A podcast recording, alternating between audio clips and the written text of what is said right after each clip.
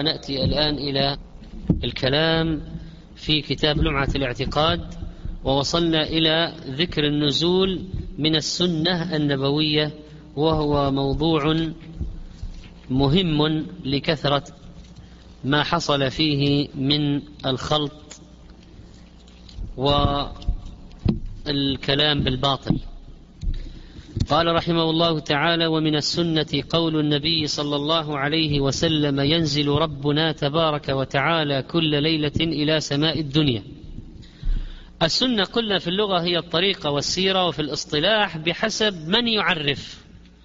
فإذا عرفها المحدثون قالوا ما أثر عن النبي صلى الله عليه وسلم من قول أو فعل أو تقرير أو صفة خلقية أو خلقية أو سيرة سواء كان قبل البعثة أو بعدها.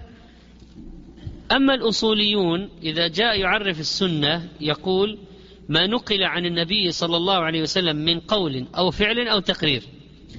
أما الفقهاء إذا جاءوا يعرفون السنة فإنهم إنهم إنهم يطلقونها على الأمر المستحب الذي ليس بفرض ولا واجب. وقد تطلق السنة مقابل البدعة حتى فقهيا فيقال هذا طلاق سني وهذا طلاق بدعي. ما المقصود بقول ابن قدام رحمه الله هنا في هذا الكتاب ومن السنة قول النبي صلى الله عليه وسلم على أي تعريف يسير الآن؟ على ما فسر به المحدثون السنة. وهي طريق أهل السنة والجماعة. الحق هو طريق أهل السنة والجماعة الإقرار بهذه الصفات. فقال ومن السنة قول النبي صلى الله عليه وسلم ينزل ربنا تبارك وتعالى كل ليلة إلى سماء الدنيا هذا في إثبات صفة النزول وهي صفة فعلية خبرية. تواترت أحاديث النزول عن النبي صلى الله عليه وسلم كما ذكر الحفاظ كابن عبد البر وابن تيمية والذهبي وابن القيم وابن كثير وهذه الأحاديث أحاديث النزول ثابتة لا يمكن إنكارها بأي حال من الأحوال وقد جمع بعض العلماء في النزول كتبا مستقلة كالدار قطني وألف شيخ الإسلام مجلدا كبيرا في شرح هذه القضية. و الرواية التي أوردها ينزل ربنا تبارك وتعالى كل ليلة إلى سماء الدنيا. إلى سماء الدنيا. الحديث هذا جاء له روايات كثيرة عن النبي عليه الصلاة والسلام. طبعا الشاهد منها كلها موضوع النزول. لكن من الألفاظ التي وردت إذا مضى شطر الليل أو ثلثاه ينزل الله إلى سماء الدنيا فيقول هل سا من سائل فيعطى هل من داع فيستجاب له هل من مستغفر فيغفر له حتى ينفجر الصبح. وكذلك حديث يتنزل ربنا تبارك وتعالى كل ليلة إلى السماء الدنيا حين يبقى ثلث الليل الآخر. فيقول من يدعوني فأستجيب له من يسألني فأعطيه من يستغفرني فأغفر له. رواهما مسلم والثاني رواه البخاري أيضا. وكذلك حديث ينزل الله تعالى إلى السماء الدنيا كل ليلة حين يمضي ثلث الليل الأول. فيقول أنا الملك أنا الملك من ذا الذي يدعوني فأستجيب له ومن ذا الذي يسألني فأعطيه.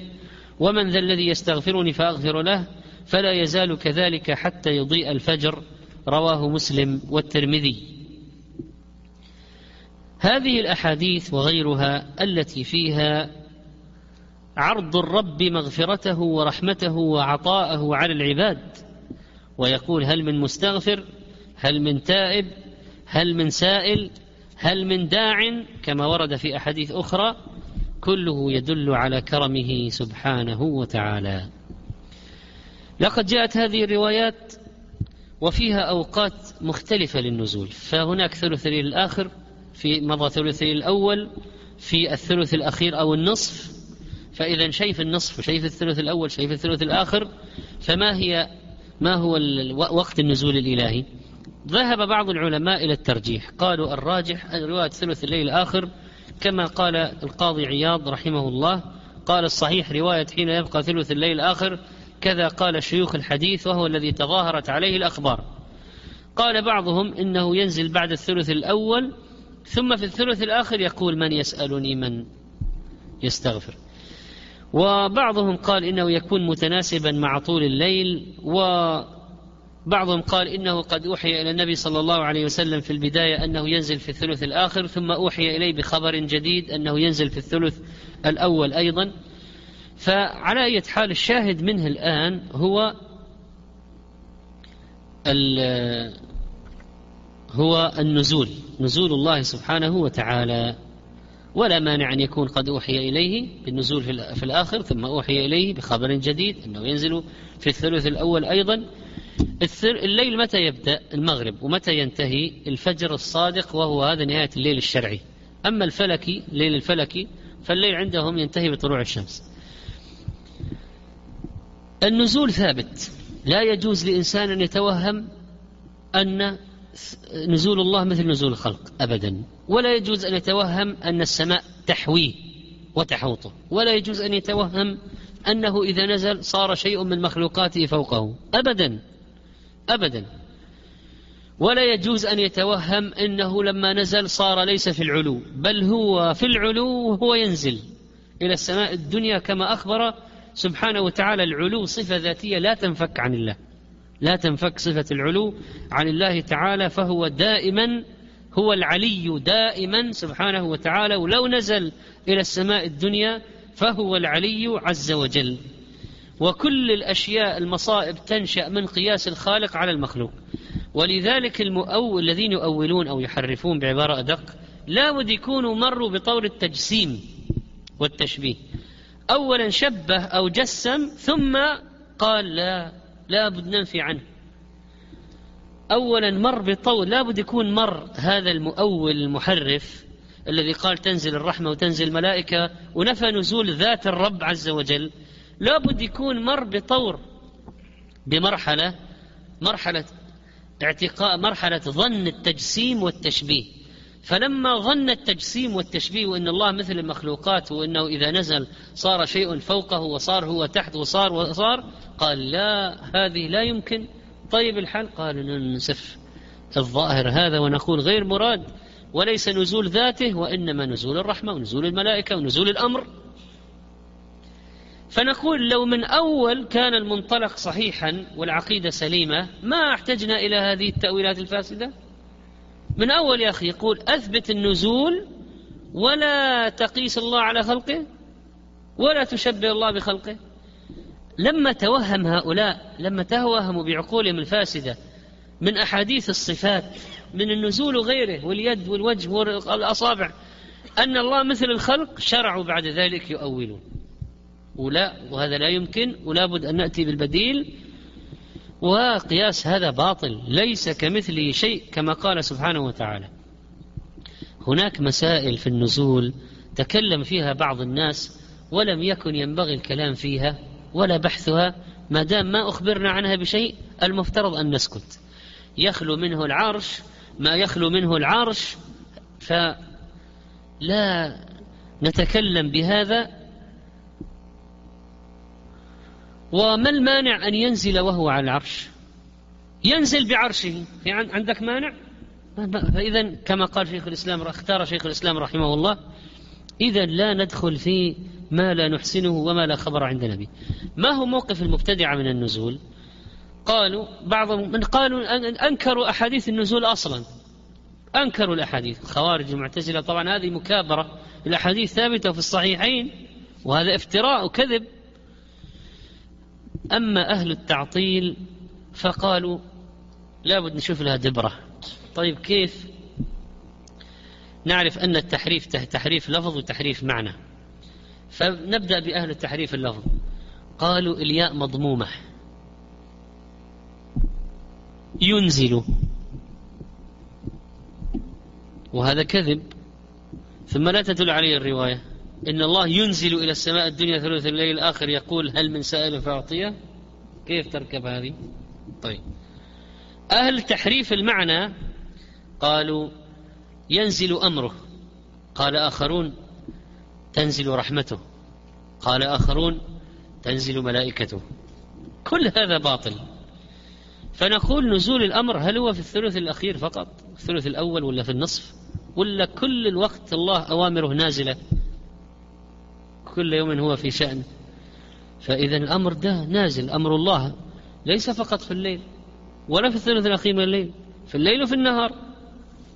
طيب. هؤلاء الذين يقال ينزل أمره نقول لهم هؤلاء الذين ينفون النزول ينفون العلو. سبحان الله. يقولون هو في كل مكان وينفون العلو. ما يرضون أن يقول الله في العلو ولا أن يشار. يقال هو في السماء. فنقول طيب أنتم تقولون في النزول ماذا؟ قالوا نزول الأمر. فنقول مسكناكم في هذه. الأمر نزل من عند من؟ من عند من نزل الأمر؟ من فوق من العلو نزل. إذا من عند من؟ من الآمر. إذا الآمر في العلو. سيفحمون.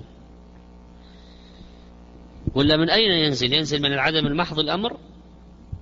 ثم الذين قالوا نزول الرحمة نقول تعالوا. الرحمة ما تنزل إلا في ثلث الآخر؟ ما تنزل رحمة في النهار؟ حصرتم رحمة الله الواسعة على الليل فقط وجعلتم النهار ما في رحمة تنزل؟ أين عقولكم؟ ثم أخبرونا ما فائدة نزول الرحمة إلى السماء الدنيا وبقائها في السماء الدنيا. إيش نستفيد نحن العباد؟ تنزل الرحمة إلى السماء الدنيا وفقط. هذا هو.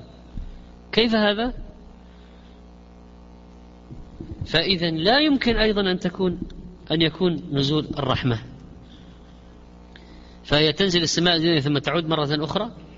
ويلكم. ثم الفعل المضارع ينزل والفاعل الضمير مستتر تقديره هو وليس هي. قالوا إيه ينزل الملك. هل يجوز الملك يقول هل من سائل فأعطيه؟ هل مستغفر فأغفر له؟ هل من تائب فأتوب عليه؟ الملك هو الذي يغفر ويتوب ويعطي. فقام بعض هؤلاء المتفلسفة قالوا يجوز أن يكون النزول من أسفل إلى أعلى. إيش؟ هذا قالوا وأنزلنا الحديد. فنقول طيب يعني هو كان في الأسفل ثم نزل إلى الأعلى يعني كان في الأسفل يعني أنتم تقولون هذا؟ سيفحمون. وفي النتيجة نقول أأنتم أغير على الله من نفسه عز وجل؟ أأنتم أغير على الله منه؟ أأنتم أغير على الله من رسوله صلى الله عليه وسلم؟ فإذا كانت تنزل رحمته أو أمره أو ملكه كان قال لنا كان قال لنا وهو أغير على نفسه منا ورسوله أغير على الله منا فلماذا نحن نحرف ونؤول هذه التأويلات الباطلة؟ وكان قال تنزل رحمة ربكم ينزل ملك من ملائكة الله في ثلث الليل الآخر. والرسول عليه الصلاة والسلام جاء باللسان العربي المبين ولماذا يضلل البشر ويقول ينزل وهو اللي ينزل ملك؟ لماذا يأتينا بعبارات موهمة وأشياء نضيع فيها ونحتار هي الرحمة ولا الملائكة ولا الأمر ولا لماذا؟ لا لا بلسان عربي مبين. كان جاءنا بلسان بكلام أوضح وأبين من هذا لو كان النازل الذي ينزل ليس الله. فقولوا ينزل وافق اللفظ وافق ظاهر النصوص وقولوا ليس كمثله شيء وأثبتوا النزول.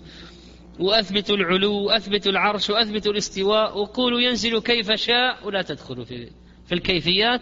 وليس عندنا إحاطة بالكيفية. ولا يجي واحد يقول يعني والثلث هنا والثلث هنا والثلث هنا نقول ينزل خلاص ينزل آمن. آمن آمن وردت بهذا آمن بها. وهو ينزل كيف يشاء سبحانه وتعالى. ومما افتراه ابن بطوطة المزعوم الرحالة على شيخ الإسلام تيمية رحمه الله أنه قال إنني دخلت دمشق فرأيته يقول للناس على المنبر إن الله ينزل إلى السماء الدنيا كنزول هذا ونزل درجة المنبر. طبعا كان الوقت اللي دخل فيه ابن بطوطة على دمشق ابن تيمية كان مسجون الحمد لله يعني. هذه ثانيا ما صعد على المنبر وخطب. ثالثا ابن تيمية يشبه الله بخلقه يقول ينزل كنزول هذا مش يشبه الله بنفسه؟ كيف؟ وهذا كلامه. وهذا افتراء واضح جدا. وشدد بعض الأئمة في على منكري النزول لأن القضية قضية نفي صفات نفي متمرد على النصوص الشرعية. حتى أوصلوا إلى الكفر أنه يستتاب الذي ينفي يستتاب.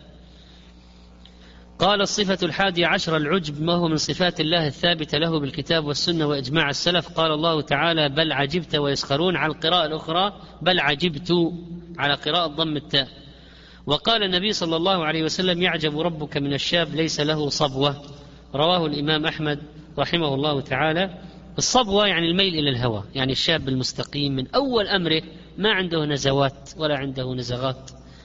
فهذا يعني يعجب الله منه. لكن هذا الحديث هذا الحديث فيه ابن لهيعة وهو اختلط رحمه الله قاضي مصر اختلط ويغني عنه حديث البخاري لقد عجب الله عز وجل من فلان وفلانة فأنزل الله عز وجل ويؤثرون على أنفسهم ولو كان بهم خصاصة.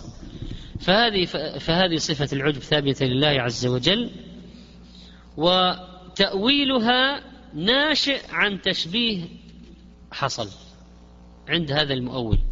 فإنه جاء وقال هؤلاء قالوا كيف نقول إن الله يعجب؟ لا يمكن. لماذا لا يمكن؟ قالوا الإنسان يعجب إذا فوجئ بشيء لم يكن يتوقعه فاندهش وتعجب واستغرب.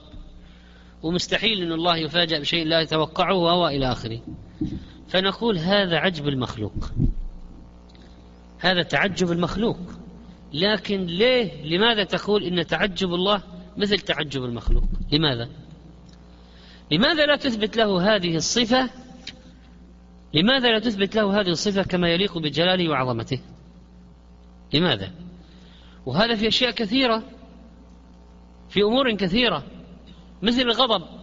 قالوا هذه صفة نقص الإنسان إذا غضب هذا نقص. نقول طيب هذا عند المخلوق. نقص إذا غضب صار عقل قواه العقلية نقصت. ممكن يتصرف تصرفات فيها طيش. لكن ليه تقول أن غضب الله مثل غضب المخلوق؟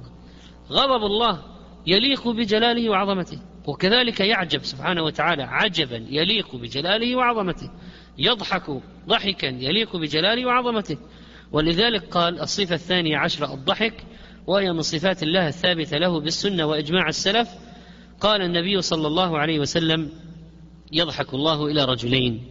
فهذا كما ورد في الحديث وأجمع السلف على إثبات الضحك لله ويجب إثباته له من غير تحريف ولا تعطيل ولا تكييف ولا تمثيل. ضحك حقيقي يليق بجلاله وعظمته. والأعرابي البسيط كان سليم الفطرة فقال لن نعدم خيرا من رب يضحك. ونقول ليس كمثله شيء وهو السميع البصير. سنتحدث في الدرس القادم عن الاستواء. وهي ميدان لمعركة أخرى بين أهل السنة والجماعة وهؤلاء المعطلة وصلى الله وسلم على نبينا محمد.